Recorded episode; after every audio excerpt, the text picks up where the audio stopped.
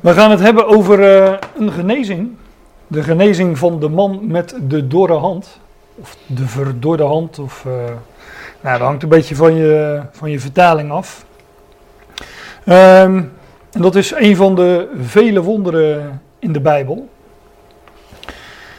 Een van de vele wonderen ook uit, uh, uit de Evangelie. We vinden daar heel veel genezingen. En uh, nou, ik herinner me eigenlijk niet dat ik het, uh, dat we het als een, uh, een ochtend over een, een, thema als een van die genezingen hebben gehad. Wel eens over uh, wonderen, daar kom je bijna niet onderuit natuurlijk. Niet dat ik dat zou willen, maar we hebben het wel eens over de bruiloft de Kana gehad, waar water in wijn werd veranderd. Nou ja, en, dit is dan een van de, van de genezingen die we ook in, in de evangelie vinden. Over staat de bruiloft de Kana in het Johannes-evangelie en deze geschiedenis vinden we juist niet in het Johannes-evangelie, maar wel in de andere drie evangeliën, Matthäus, Marcus, Lucas, wat zeg maar de synoptische evangeliën worden genoemd. Ik heb overigens een nieuw projectiescherm. Ja, mooi. Mooi hè? Ja,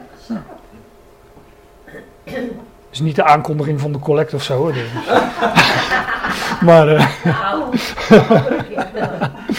maar uh, ja, het ziet er wel... Uh, ik toen ik vanmorgen die beamer aanzette, toen had ik zoiets van, uh, ik was blind, maar nu kan ik zien. Ja, ja. heel mooi. Heel mooi. Dat is ook een wonder inderdaad. Uh.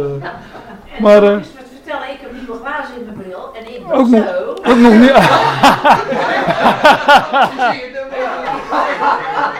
Jij dacht dat het aan je nieuwe bril lag. nou, dat, dat is een dubbel wonder dan. Nee, echt waar, die strak wel. Ja. Ik zei het onderweg tegen Nou ja, heel verhaal, maar goed. Ja, zullen we het hele verhaal even voor de pauze bewaren dan? Ik ben er heel blij mee. Kon zeker een stuk knapper. Maar op, op mijn... Op mijn werk hebben we, multi, dat heet multifunctionals. Daar kan je mee printen, kopiëren, scannen en uh, van alles dus. Maar dit is natuurlijk ook een multifunctional. Je kan hem even duisteren, je kan de zon tegenhouden, je kan erop projecteren. Dus, uh, ik dacht, ik koop nu een mooie lichten. Dan uh, in ieder geval met, met het projecteren komt dat dan uh, goed uit. Maar daar zitten we hier niet voor. We gaan, we gaan naar de geschiedenis van de man met de dorre hand. Um, daar wil ik uh, eerst nog wat, uh, wat dingen in het algemeen over zeggen. Over uh, wonderen in de Bijbel. Want zo'n genezing is natuurlijk een wonder. Ik bedoel, als wij wat hebben, gaan we wel eens naar een dokter. Maar ja, dan, is het meest, dan is het niet dat wij door een woord worden genezen. Maar dan moet er een vracht pillen aan te pas komen of, of andere therapieën. Maar hier wordt dus echt iemand van het ene op het andere moment genezen van een, een dorre hand. Nou, als ik deze week nog bij de huisarts zou geweest zijn, dan had ik aan hem gevraagd of bij hem ook wel eens mensen met een dorre hand langskwamen. Wat dat voor diagnose is, maar daar komen we vanzelf al op. Um, wonderen in de Bijbel, ja, daar, moet, daar wil ik dan toch uh, wat algemeens over zeggen die, uh, uh, net als een genezing als dit, is niet zomaar een slechts, het, een genezing. Deze, deze man werd hier genezen. Nou, dat is heel fijn geweest voor die man natuurlijk, maar het heeft ook nog wel meer betekenis. Um, zo vinden we heel wat wonderen in de Bijbel, en er worden ook dingen over gezegd. Ik, uh, ik, ik, nou, ik haalde zojuist de bruiloft de Kana al aan. Ik heb overigens alles in PowerPoint gezet. Ik had wat tijd over. Dus uh, nou voor jullie uh, en uh, misschien ook op mijn gemak. Maar de bruiloft de Kana, als dat wonder geschied is, dan staat er dit in Johannes 2, vers 11. Dit heeft Jezus gedaan als begin van de tekenen. Te Kana in Galilea. En hij heeft zijn heerlijkheid geopenbaard. Dit is het uh, eerste wonder wat we vinden in het uh, Johannesevangelie, die bruiloft Kana. Het is dus geen genezing, maar wel een wonder. En dat gebeurde ook nog eens, die bruiloft, op de derde dag. En uh, ja, we hebben deze geschiedenis besproken. Ik weet niet of jullie daar allemaal bij waren. De meeste wel, denk ik. Maar die bruiloft is een uitbeelding, dan zeg ik het heel kort, van hoe straks op de derde dag van, de, van duizend jaar, hè, de derde, de, op de derde dag, na twee, na dagen van duizend jaar, op de derde dag, na de opstanding van Christus, zal de bruiloft aanvangen, en namelijk het nieuwe verbond worden gesloten tussen de Heer en zijn verbondsvolk Israël. Nou, deze derde dag, lees het maar uh, na in Johannes 1, daar kun je dagen tellen. Deze derde dag is ook een zevende dag. Want in Johannes wordt er geteld met dagen en dan is het des anderen daags, de volgende dag, de volgende dag. En dan op de derde dag was er een bruiloft te Kana. En dan blijkt die derde dag samen te vallen met de zevende dag. En ik noem dat omdat het wonder waar we het straks over gaan hebben ook plaatsvindt op een zevende dag. Namelijk op een Sabbat. De Sabbat in de schrift is de zevende dag. En wij hebben die zevende dag van de week. Maar ik had het net over dagen van duizend jaar. Hè, zoals Petrus onder andere rekent in uh, 2 Petrus 3. De, bij de Heer is één dag als duizend jaar en duizend jaar als één dag. Nou, die zevende dag, dan zal de werkelijke rust aanvangen voor, uh, voor Gods volk. En dan zal de bruiloft worden gesloten. gesloten dan zullen ogen worden geopend, oren worden geopend, dan zal de lammen springen enzovoort. Dat, gaat, ja, dat gaat allemaal daarover. Kijk, en hier staat het eigenlijk al. Dat, dat zo'n wonder, een wonder wat een teken is, kom ik straks op, een openbaring is van zijn heerlijkheid. hij heeft zijn heerlijkheid geopenbaard. Ja, daar veranderde hij water in wijn en uh, zorgde hij dat mensen heel tijdelijk en, en uh, heel specifiek op die plaats hun dorst gelest werd. Um, door water in wijn te veranderen. In ieder geval dat de bruiloft door kon gaan. Maar dat heeft natuurlijk een veel diepere betekenis. Nou, al die wonderen uh, in de schrift hebben een diepere betekenis. Dus ook het wonder, die genezing waar we het nu over gaan hebben. Zo'n wonder is een teken en heeft dus een betekenis is. En ik vind het altijd leuk om dat zo te schrijven, omdat je daar dan in ziet dat in dat woord betekenis het woord teken ligt ingesloten. Nou, ik heb dat ook eens gewoon via de reguliere weg uh, opgezocht. Wat, wat is nou eigenlijk een teken? En Wikipedia, die kennen we allemaal, die zegt daarover: een teken is een woord, gebaar, voorwerp of andersoortige betekenis dragen die verwijst naar een betekenis. Oftewel, een teken is een, een zinnenbeeld, een symbool. Het staat voor iets anders. Nou, die uh, wonderen in de schrift zijn allemaal tekenen. En we vinden dan ook de frase wonderen en tekenen, of tekenen en wonderen, die vinden we regelmatig terug. En ik zal. Uh, ik meen twee schriftplaatsen laten zien waar dat voorkomt, maar het komt wel vaker voor. Dus die, die, die wonderen zijn tekenen, hebben een betekenis. Ze hebben uh, nog een functie die ik ook nog uh, zal laten zien. Tenminste, die de teksten die ik naar voren breng zullen laten zien. Bijvoorbeeld hier in Handelingen 2, dat is uh, de toespraak van Petrus op de Pinksterdag. Waar Petrus zegt, Israëlitische mannen. Luister naar deze woorden. Jezus, de Nazarener, een man die u van Gods wegen aangewezen is door krachten, wonderen en tekenen, die God in uw midden door hem gedaan heeft, zoals u ook zelf weet. Nou, dan gaat de toespraak nog, uh, nog verder natuurlijk. Maar wat hier staat, is dat die wonderen het zijn tekenen, het zijn ook nog eens krachten. En dat Jezus, de Nazarener, hier, door die wonderen en tekenen wordt hier, wordt hier geduid, dat hij daardoor van Gods wegen is aangewezen. Dus die tekenen en die wonderen, die bevestigden ook nog eens zijn goddelijke zending. Dat was namelijk ook allemaal voorzegd in de profeten dat het zou gebeuren. En doordat hij die tekenen deed, doordat hij die wonderen deed, leefde hij daarmee het bewijs van zijn, uh, van zijn, zending, van, van zijn zending door God. Dat is wat hier staat. Nou, dan heb ik er nog een uit uh, Hebreeën 2. Daar heb ik. Uh, daar val ik dan midden in een zin, maar daar gaat het over zo'n grote redding. Zaligheid in de Statenvertaling. De schrijver van de Hebreeënbrief spreekt hier van zo'n grote redding, waarover hij, uh, waarover hij uh, ja, uitvoerig uh, gaat spreken in, in deze brief. Zo'n grote redding die een begin neemt door het spreken van de Heer. Dus daar is de Heer Jezus, Jezus de Nazarener uit Handelingen 2, hè. Ze noemde Petersen, die, die een begin neemt door het spreken van de Heer. Dus hij is daarmee begonnen en dat aan ons, apostelen, dat aan ons bevestigd werd door hen die hem gehoord hebben.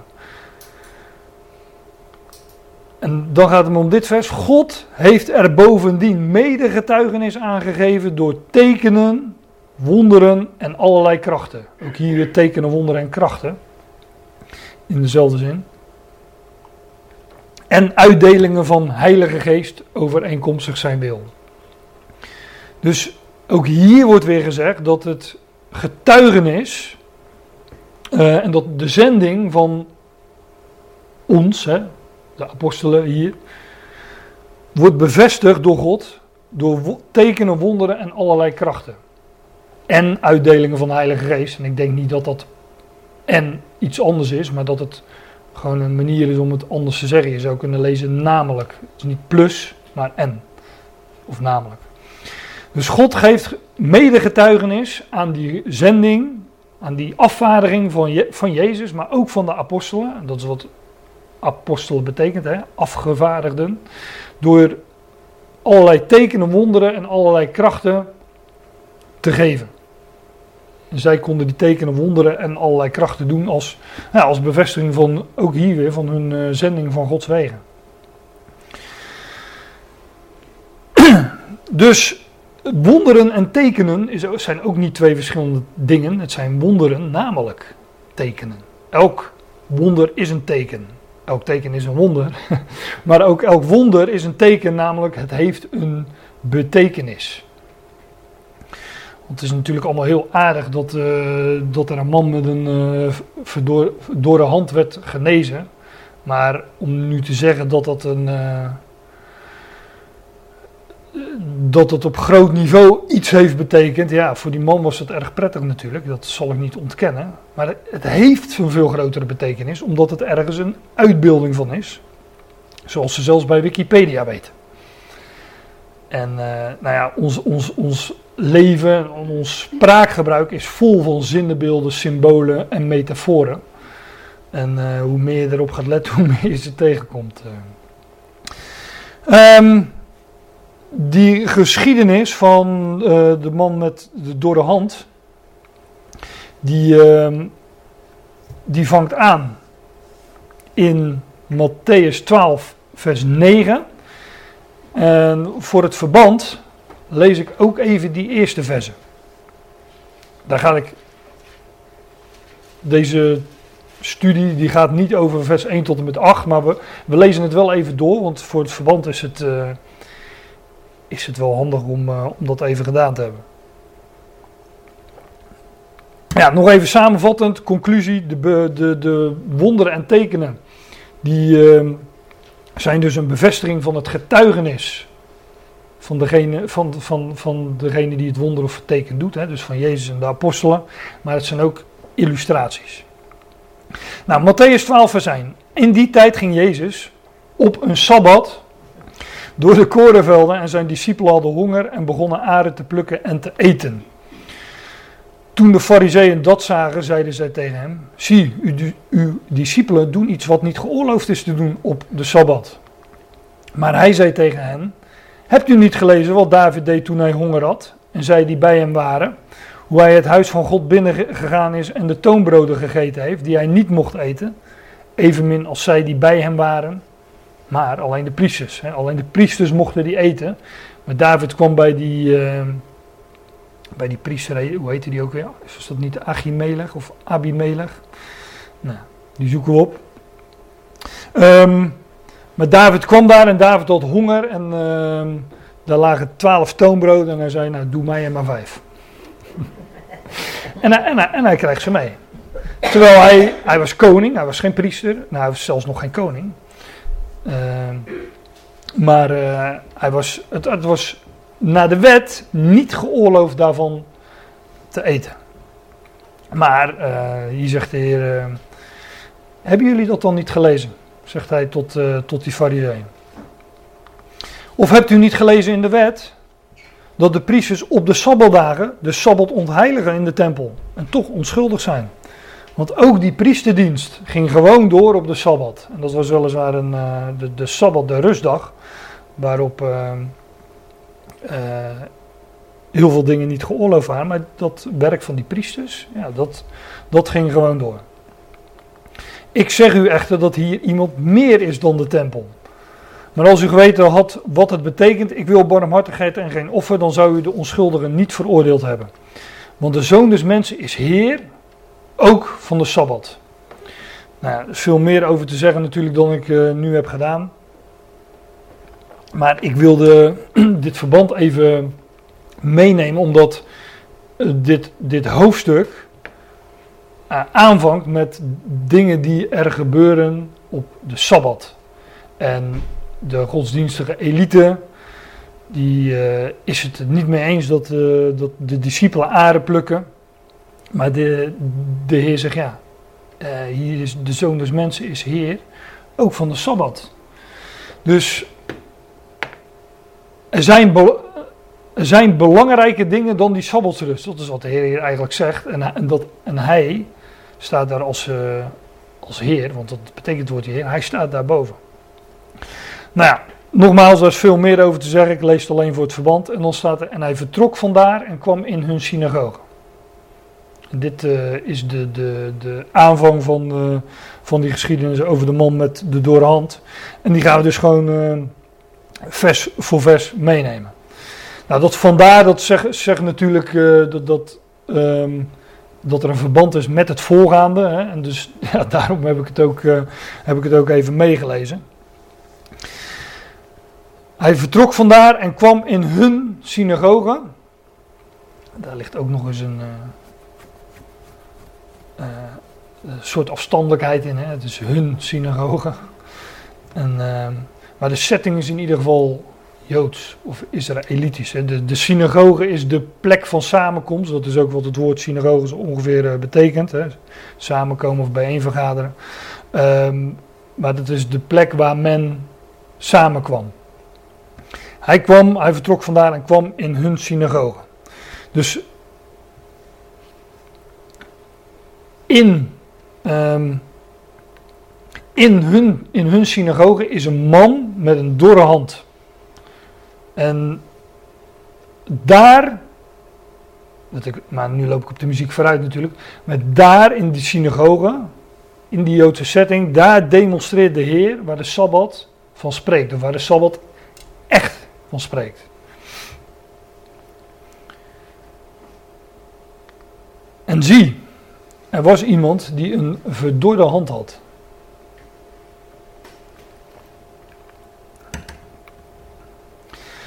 En een hand, ja, het zou wel een, een, studie op zich zijn om het over de hand in de Bijbel te hebben. We kennen bijvoorbeeld uh, de hand des Heren. Nou, die kom je nog wel eens wat tegen in het, uh, in het Oude Testament.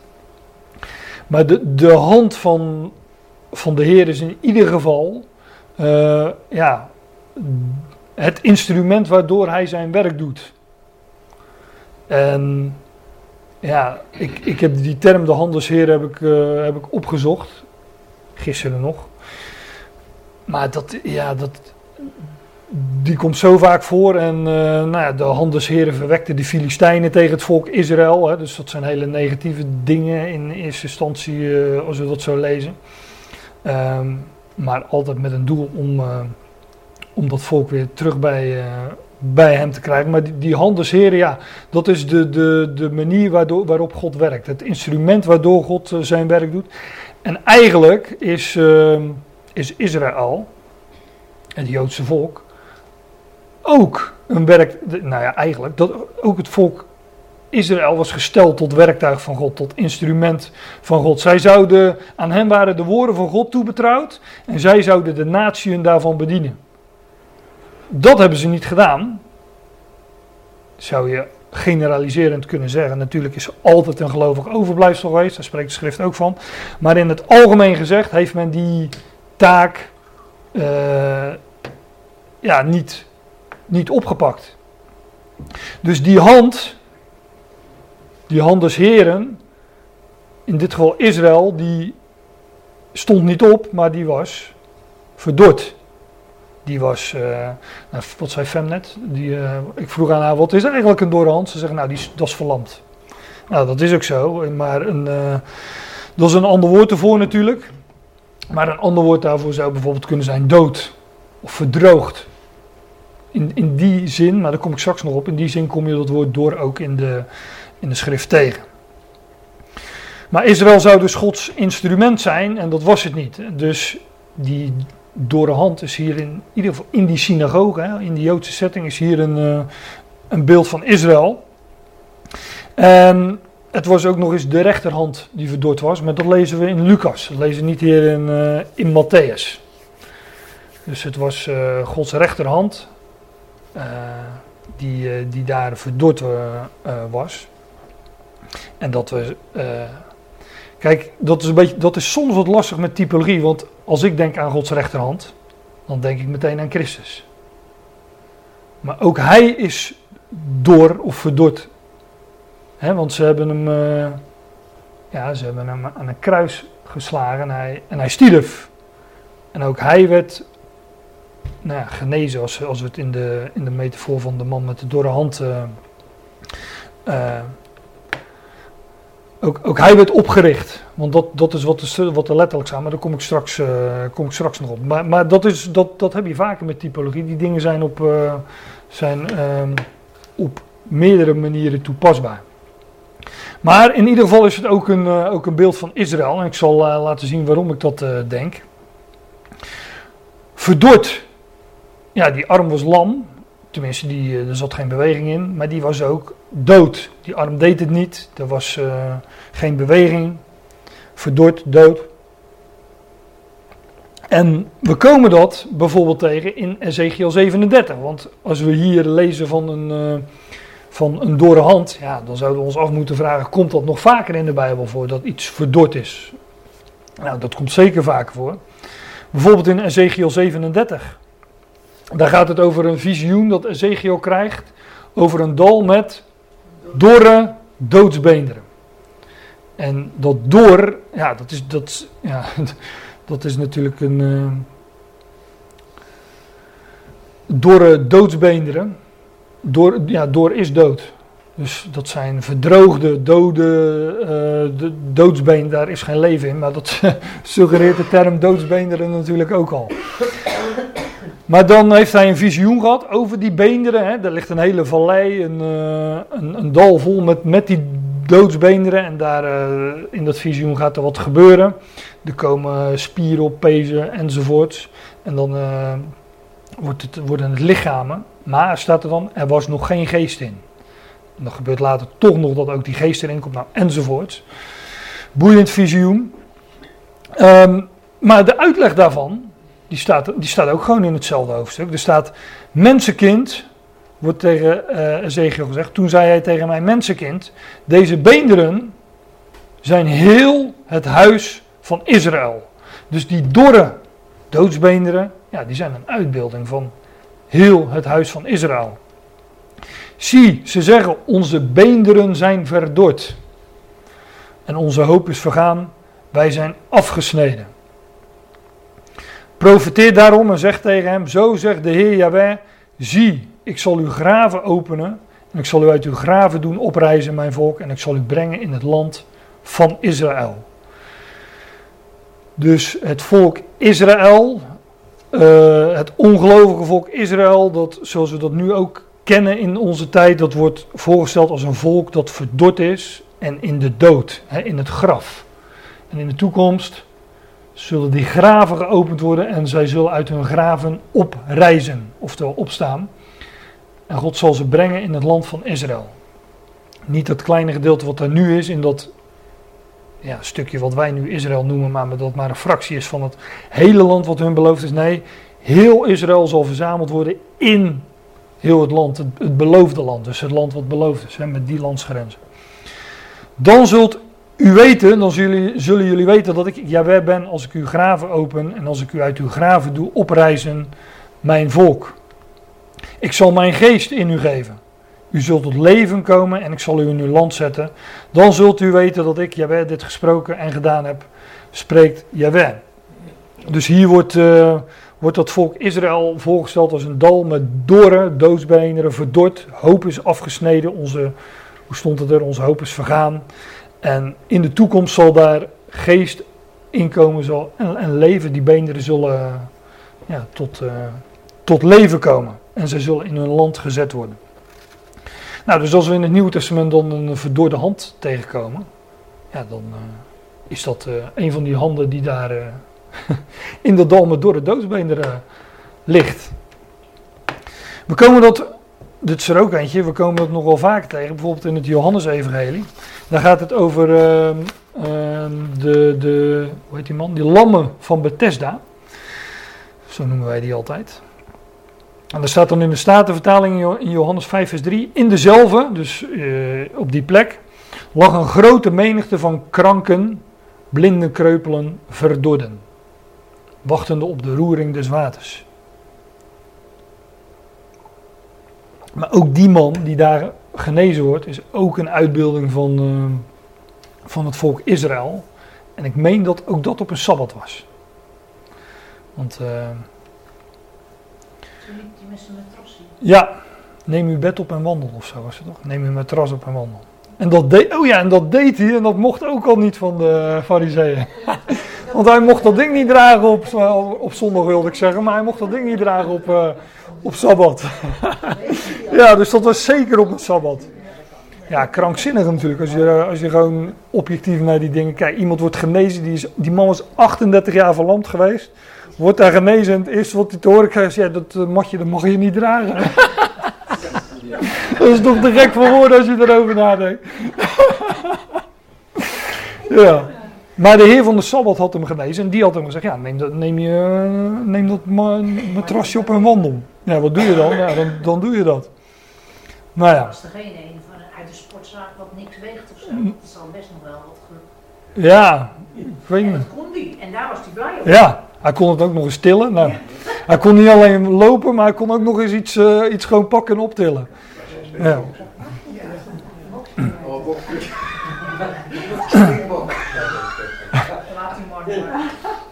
We gaan verder. We gaan terug nu naar Matthäus 12, naar die uh, man met de dorre hand. En zie, er was iemand die een verdorde hand had. En ze vroegen hem: Is het ook geoorloofd op sabbatdagen te genezen? Dit om hem te kunnen beschuldigen. Dus het was uh, vooropgezet met, uh, ja, met, met, met verkeerde intenties. Nou ja, Jezus genas vaak op de Sabbat. nou, ik wil niet zeggen per definitie, want dat is denk ik niet helemaal waar. Maar af en toe denk je, oh, hij, deed het erom. Ik, uh, ik heb er een paar gevonden. Hè. De 18 jaar zieke vrouw in Lucas 13. Een waterzuchtige man. Water is een uitbeelding van het woord van God. Hè? Maar die fariseeën, die kennen het woord van God ook, maar die waren opgeblazen. En de Heer geneest hier een waterzuchtige man. Dat betekent dat je opgeblazen bent van water. Dus farisee, ja, hoe zeg je dat? De fariseeën kenden het woord wel, maar ze kennen het toch weer niet. Ze konden het, nee, ze konden het, uh, hoe zeg je dat? Ze konden het uit hun hoofd opdreunen en ze wisten waar het stond, maar ze kenden het niet. En, ze, waren, en ze waren nog opgeblazen ook. Nou, daar is die waterzuchtige man een beeld van. Oh ja, en de lammen te Bethesda, ja, zie je, daarom, uh, dat uh, wist ik toch wel. Uh, toen ik de PowerPoint maakte, wist ik dat het op een Sabbat was. maar dat was al voor de Sabbat dat ik deze maakte, dus ja. ja. Maar de Sabbat, dat zei, dat zei ik net al, is, de, is de zevende dag van de week. Maar als we, als, als we rekenen in dagen van duizend jaar, dan, ja, dan zal in de toekomst die werkelijke grote Sabbat plaatsvinden, waarop het nieuwe verbond wordt gesloten, waarin het volk de rust zal ingaan. En dat is natuurlijk een beeld van de grote Sabbat. Nou, is het geoorloofd om op Sabbatdagen te genezen? Nou, lijkt me wel ja. Zou dan het antwoord moeten zijn. Want het, de, genezing op een Sabbat is een beeld van wat er in de toekomst gaat plaatsvinden. Maar ja, wisten zij veel. En dit deden zij om hem te beschuldigen. Twee schriftplaatsen om, uh, om te laten zien dat dat, dat vaker gebeurde. Dit, um, voor mij is dit, Lucas 10 is de, de geschiedenis van de barmhartige Samaritaan. Hè, de gelijkenis van de barmhartige Samaritaan die de Heer dan uh, vertelt. Er stond een zeker wetgeleerde stond op om hem uit te, pro, uit te proberen. Dus ook weer met verkeerde bedoelingen. Zeggend, leraar wat moet ik doen? Rabbi wat moet ik doen opdat ik Ionisch leven als erfdeel of als lotbezit zou ontvangen. En dan vertelt, uh, dan, dan, zegt de Heer van, uh, nou, uh, heb je naar, zegt de Heer, God liefhebben als je, God, God liefhebben je naast als jezelf. Ja, en dan staat er dan ook, dan moest hij, toen moest hij zichzelf rechtvaardigen. Hij willende zichzelf rechtvaardigen, zei ja, maar wie is dan mijn naast? Ja. Dan gaat de Heer hem uitleggen wie zijn naast is. Want hij, die, ja, die, die, die wetgeleerde die had in ieder geval niet degene lief die voor hem stond. En de Heer maakt met een, geschiedenis duidelijk van ja, die, naaste, dat ben ik.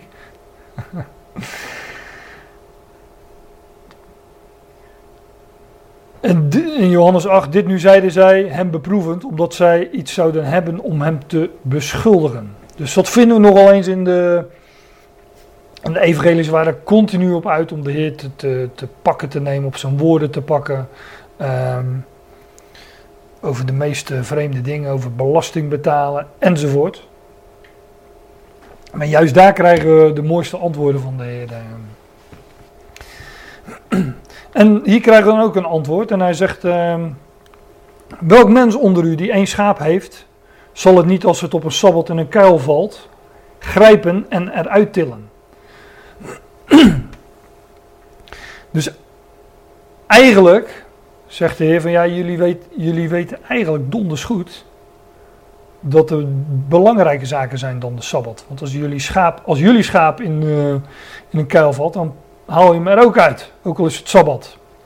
Dus het goed doen is blijkbaar hoger dan het onderhouden van de Sabbat. Nood breekt wet, hè, zeggen wij ook. Ik bedoel, dat, is, uh, ja, dat was toen al dat is nu nog steeds. Maar als je dit leest, dan. Uh, tenminste, dat had ik. Dan komt de associatie met uh, Lucas 15 toch ook wel heel sterk bovendrijven. Welk mens onder u die 100 schapen heeft en er één verliest, verlaat niet de 99 in de woestijn en gaat achter het verloren aan. Totdat hij het vindt. En uh, in die gelijkenis van die, van die schapen, want het is een gelijkenis, daar is die mens, is de Heer die op zoek is naar het verloren. En ik denk, en ik denk dat, dat dat hier ook het geval is. Hè? Hier is ook een mens, de mens Christus Jezus, die, uh, die op een sabbat, nou ja, dit schaap, scha, schaap, we hadden het vorige keer over, naar aanleiding van Jezaja 53. Een schaap is een beeld, niet alleen van de Heer, maar ook van Israël. Ook daar vind je die parallel. De, de, de, het volk Israël wordt vaak voorgesteld als een kudde schapen. Ik heb vorige keer, meen ik, Ezekiel 34 uh, aangehaald, waar dat wel heel duidelijk naar voren komt. De Heer is hier op zoek naar uh, een schaap.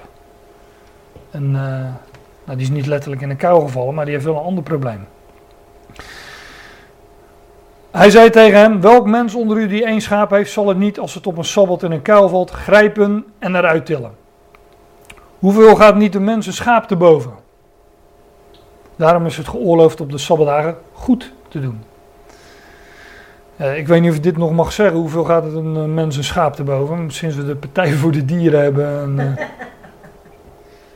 uh, maar ja, hier staat het. een mens gaat een schaap te boven. Dan, ja. Zo trek je ook nog eens een algemene les. Hè? Maar hoeveel gaat niet de mensen schaap te boven? Daarom is het geoorloofd op, op de sabbatdagen goed te doen. Want de vraag was, is het ook geoorloofd, zagen we net in vers 10, is het ook geoorloofd op de sabbatdagen te genezen? Nou, het is geoorloofd op de sabbatdagen het goede te doen, zegt de Heer. Nou, is genezen goed doen? Ja, dat, uh, dat lijkt me wel.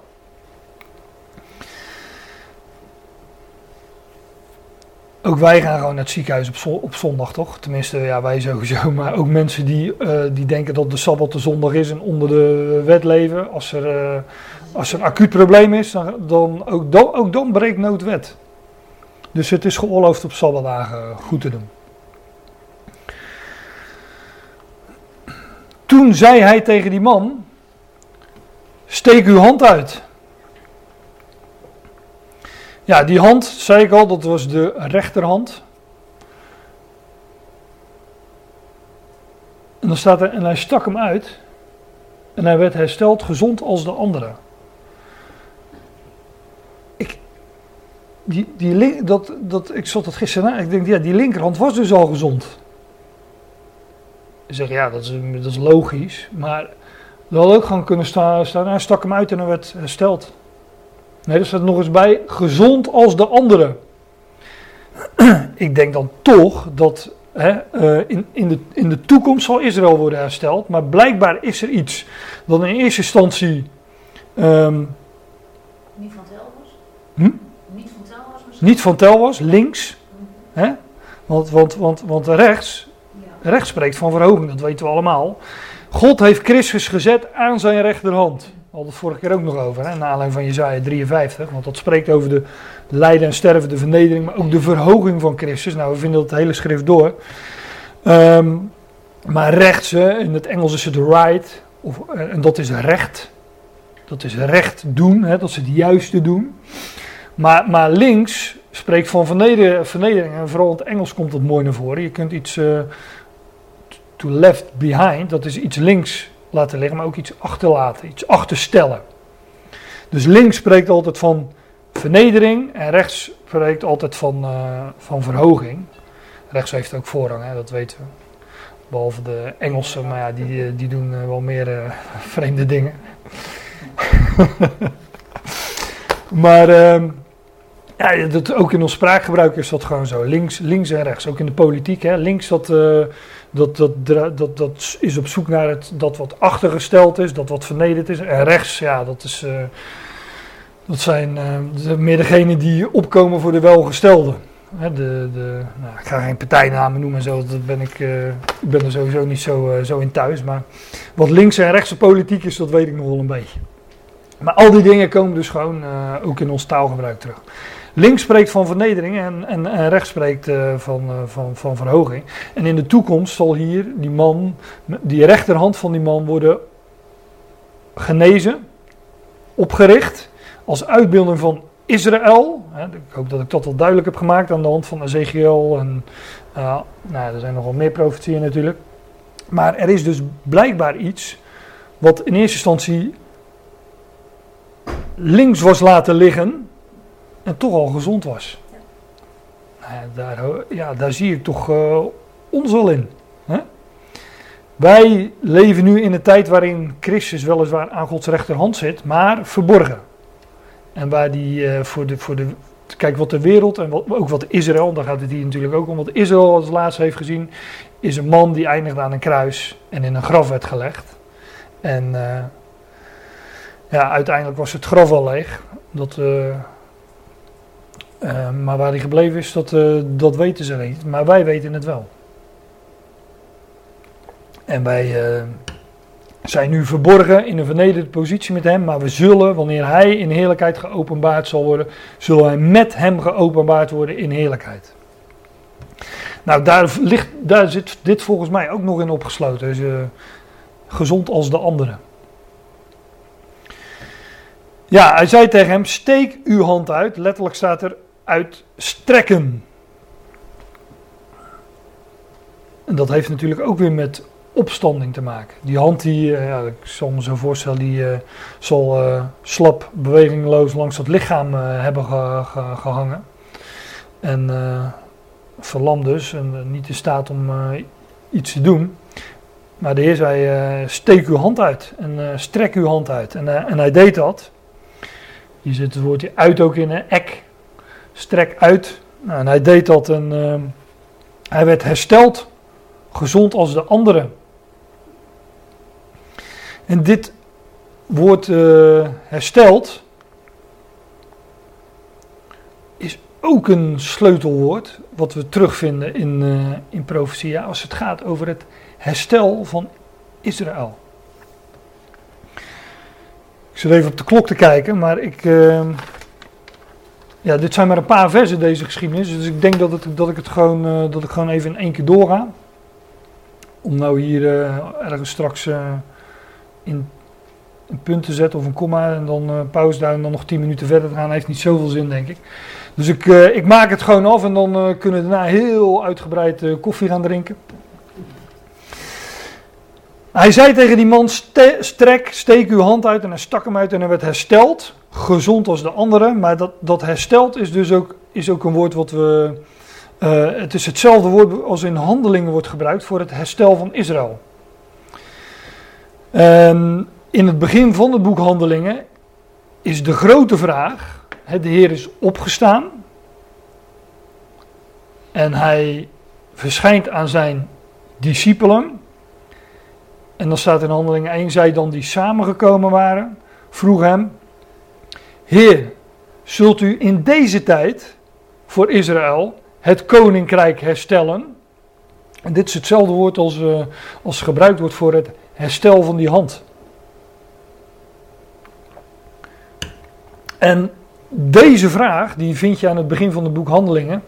Maar heel het boek Handelingen is een, eigenlijk een antwoord op deze vraag.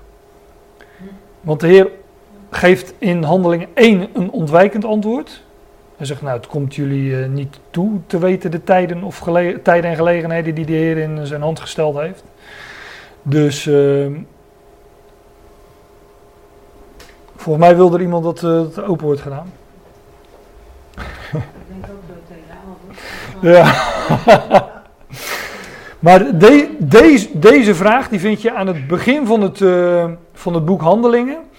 En in het boek Handelingen zie je, zie je in, in, in het boek Handelingen zie je dus uh, uitgeschreven, maar ook uitgebeeld hoe Israël steeds meer naar de achtergrond verdwijnt. En ook Petrus als de twaalf steeds meer naar de achtergrond verdwijnen. En Paulus, de apostel van de natie, steeds meer naar de voorgrond komt. En aan het einde van het boek Handelingen wordt dan ook gezegd: um, Het zij u dan bekend dat de redding van God aan de natie werd gezonden. En dat is eigenlijk ook het antwoord dan op deze vraag. Um, zult u in deze tijd voor Israël het koninkrijk herstellen? Nee, dat gebeurde niet in die tijd en het is nu nog steeds toekomst. Het koninkrijk zou verborgen worden en God zou een verborgen werk doen onder de natieën. Dat wat eerst links lag, kwam nu, uh, kwam nu naar boven, zeg maar. En in de toekomst zal, in, zal Israël hersteld worden. Nou, hier is dat datzelfde woord. Uh, en in Handelingen 3, twee hoofdstukken verder, daar ook weer een toespraak van, uh, van Petrus. Ja, ook naar aanleiding van de genezing overigens. Van de man bij de, de verlamde man bij de Schone Poort. Ja, Schone Poort. Die daar lag, verlamd, aan de poort van de, aan de poort. En dus niet in staat was om die poort binnen te gaan. Als uitbeelding van Israël dat verlamd was en niet in staat was om die poort van het koninkrijk binnen te gaan. Een antwoord ook op die vraag in handelingen 1 natuurlijk. Maar hier, uh, uh, ja, Petrus wist dat hier sowieso nog niet. De Heer had hem een ontwijkend antwoord gegeven. En, de, en hij zegt dan ook, naar aanleiding van de genezing van die verlamde man, zegt hij tot zijn volksgenoten: Kom dus tot bezinning. Hij zegt, want ja, je, moet, je moet de hele toespraak lezen, maar dat ga ik nu natuurlijk niet doen. Ik haal er een paar versen uit waar dat woord herstel in voorkomt. Maar je zou de hele toespraak eens moeten lezen hoe, uh, hoe Petrus daar uh, ja, zegt van deze Jezus die jullie gekruisigd hebben, heeft God opgewekt. En uh, nou, kom dan, kom dus tot bezinning en bekering. Hè, bekeer je om. Opdat, u, opdat jullie zonden uitgewist worden en er tijden van verkwikking, verfrissing zullen komen van het aangezicht van de Heer. En hij Jezus Christus zal zenden, die tevoren aan u verkondigd is. Hem moet de hemel ontvangen, tot de tijden waarin alle dingen worden hersteld. Dus hier zegt Petrus, hij is nu in, hij is ten hemel gevaren, hè, dat lezen we ook in handeling 1. Deze Jezus die jullie hebben gekruisigd, die uh, is opgewekt. God heeft hem opgewekt, heeft hem uh, uh, gezet aan zijn rechterhand. Hij is nu in de hemel. Hem moet de hemel ontvangen tot de tijden, wanneer dan ook, waarin alle dingen worden hersteld. En in handelingen was dat natuurlijk nog heel actueel. Zou dat nu wel of niet gebeuren? Wij weten inmiddels dat is niet gebeurd, maar het is makkelijk natuurlijk achteraf.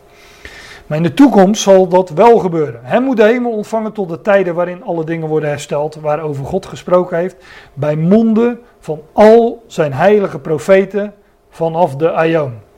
Nou, dat laatste ga ik nu niet op in, maar is in ieder geval vanaf al heel lang geleden. Uh, dus bij monden van al zijn heilige profeten. Nou, waar spreken al die profeten over? Over het koninkrijk, over het koninkrijk dat God via Israël over deze aarde zal vestigen. En dat is nu nog toekomst. Maar Peter zegt, uh, ook, hier, ook hier gebruikt hij dat woordje uh, hersteld. En dat is dus exact hetzelfde woord als we vinden in die geschiedenis van die man met die dorre hand. Die hand wordt genezen als beeld van Israël. En dan staat hij stak hem uit uh, en hij werd hersteld. Gezond. Als de anderen.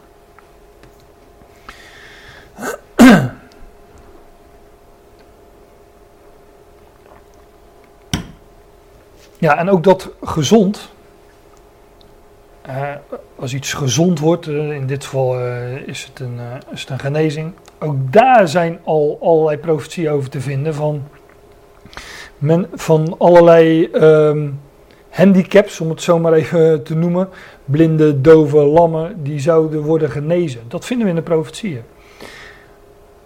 Maar ook in die profetieën is dat het openen van de ogen en het openen van oren en de lammen die zal springen, is een uitbeelding van Israël dat zou herleven.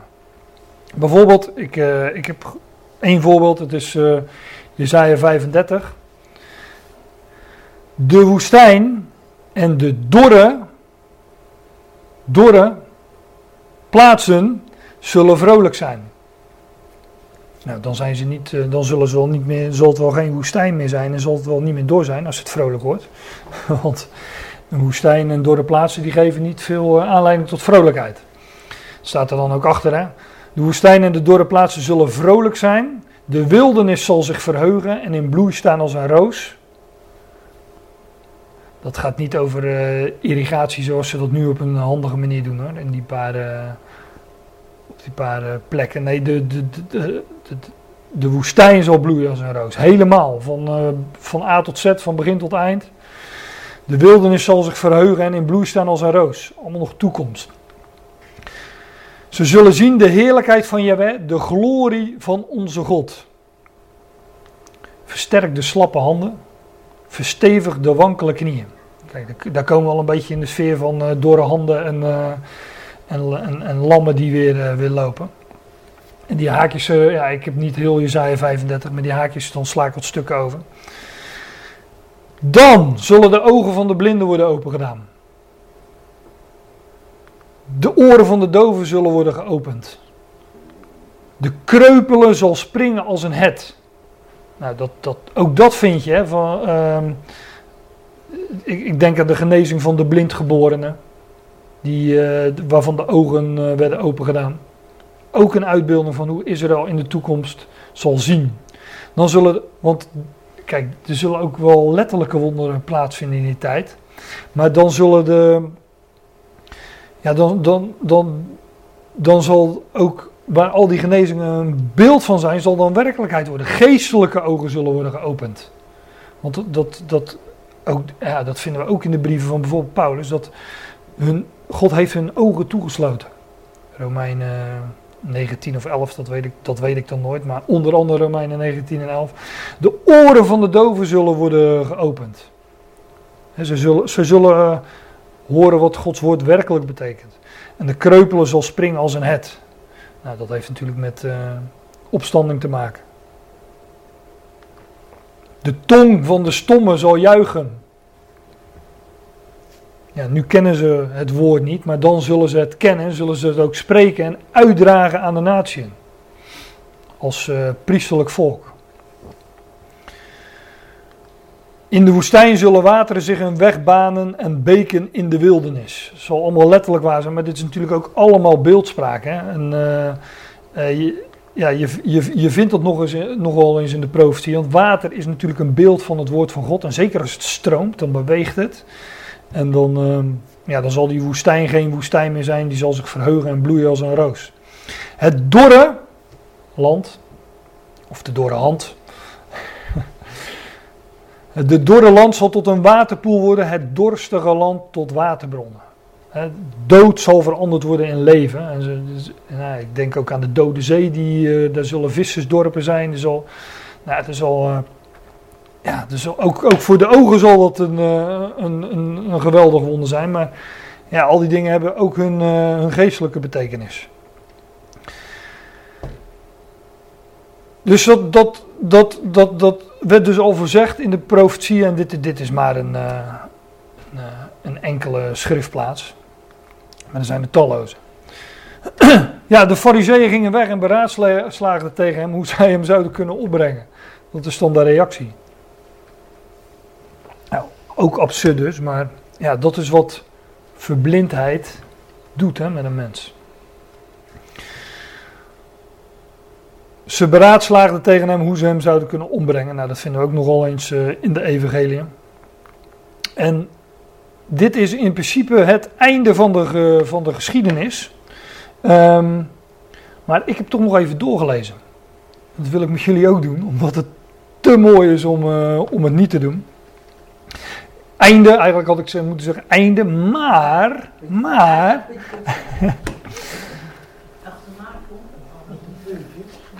um, kijk, dit, dit, dit is één beeld en uh, hierna komt een volgend beeld.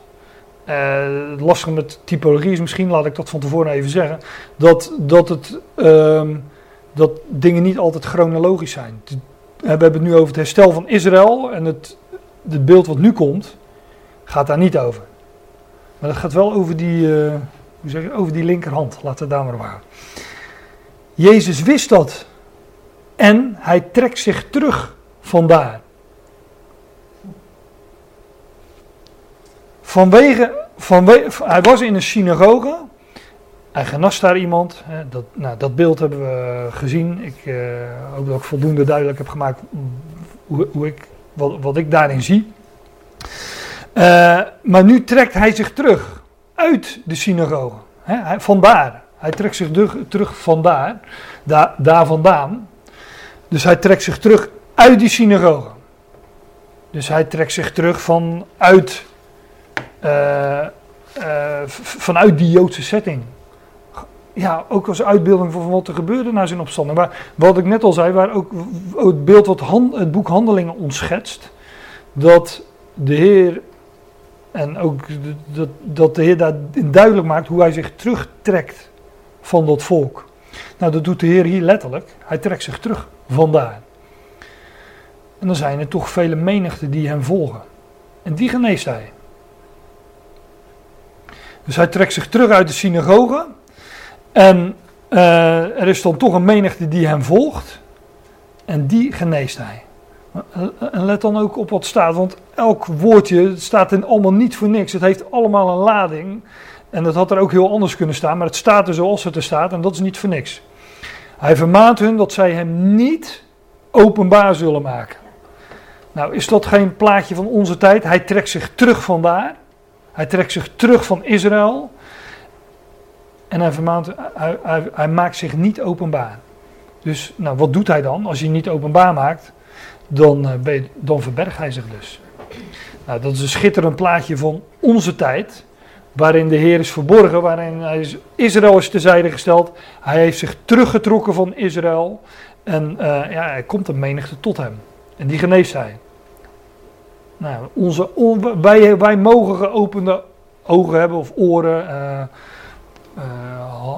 door de handen die het doen. we, we, mogen springen van, van blijdschap en we zijn met hem opgewekt. Enzovoorts. Wij hebben daar nu al, al deel aan. Wij zijn die linkerhand gezond als de. Die rechter wordt straks gezond als de andere. wij mogen hem al kennen. En. Um, ja, hij trok zich terug vandaar en maakte zich niet openbaar, verborg zich dus, opdat vervuld zou worden wat gesproken is door de profeet Jezaja, toen hij zei,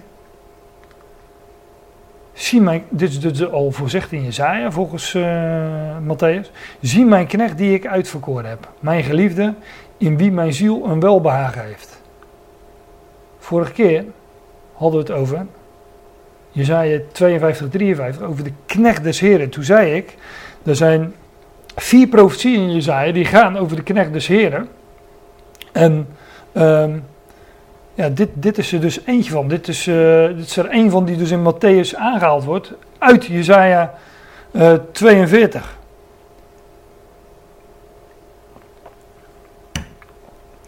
Dus hier wordt vervuld doordat de Heer zich terugtrekt vandaar een, een andere menigte tot hem komt. En die, die geneest hij, maar hij vermaant hun dat zij hem niet openbaar zullen maken. Dus hij blijft, hij trekt zich terug en wordt verborgen voor, uh, voor Israël.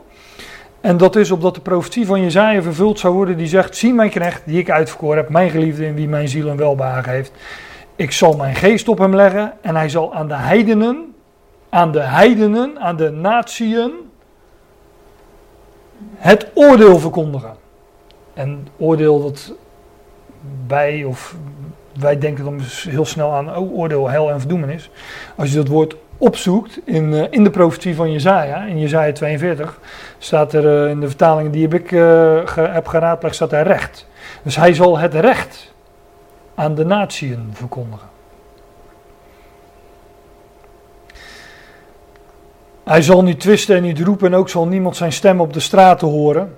Het geknakte riet, zal hij niet breken en de walmende vlassplit zal hij niet doven, totdat hij het oordeel of het recht uitvoert tot overwinning. En op zijn naam zullen de heidenen, de natieën, ook hier hetzelfde woord, op zijn naam zullen de natieën hopen. Dus we hebben die geschiedenis van die man met die dorre hand als uitbeelding van het herstel herstel van Israël. En we hebben hier, eh, ik denk die pikken we even mee, ook omdat ik, omdat ik die profetie van de knecht des Heren las. Ik denk, hé, hey, dat is nou wel toevallig dat we het daar de vorige keer over, over een andere profetie van de knecht des hebben gehad en ik deze nu uh, tegenkom. Dan hebben we die geschiedenis dus dat de Heer zich terugtrekt en ze niet openbaar maakt. En als vervulling van de profetie, die, uh, ja, waarin twee keer gesproken wordt over de natie. Nou, hij bevindt zich nu inderdaad teruggetrokken, verborgen, niet openbaar, onder de natie. En zijn werk in de toekomst, wanneer hij, um, wanneer hij openbaar zal worden, ja, dan, dat heeft dan weer met Israël te maken. Dan zal Israël hersteld worden. Samenvattend, de Heer verlaat hier Joods terrein. Hij verbergt zich. Hij blijft aan Israël onbekend. En hij wendt zich tot de natie. Ja, hier wil ik het uh, bij laten voor deze ochtend.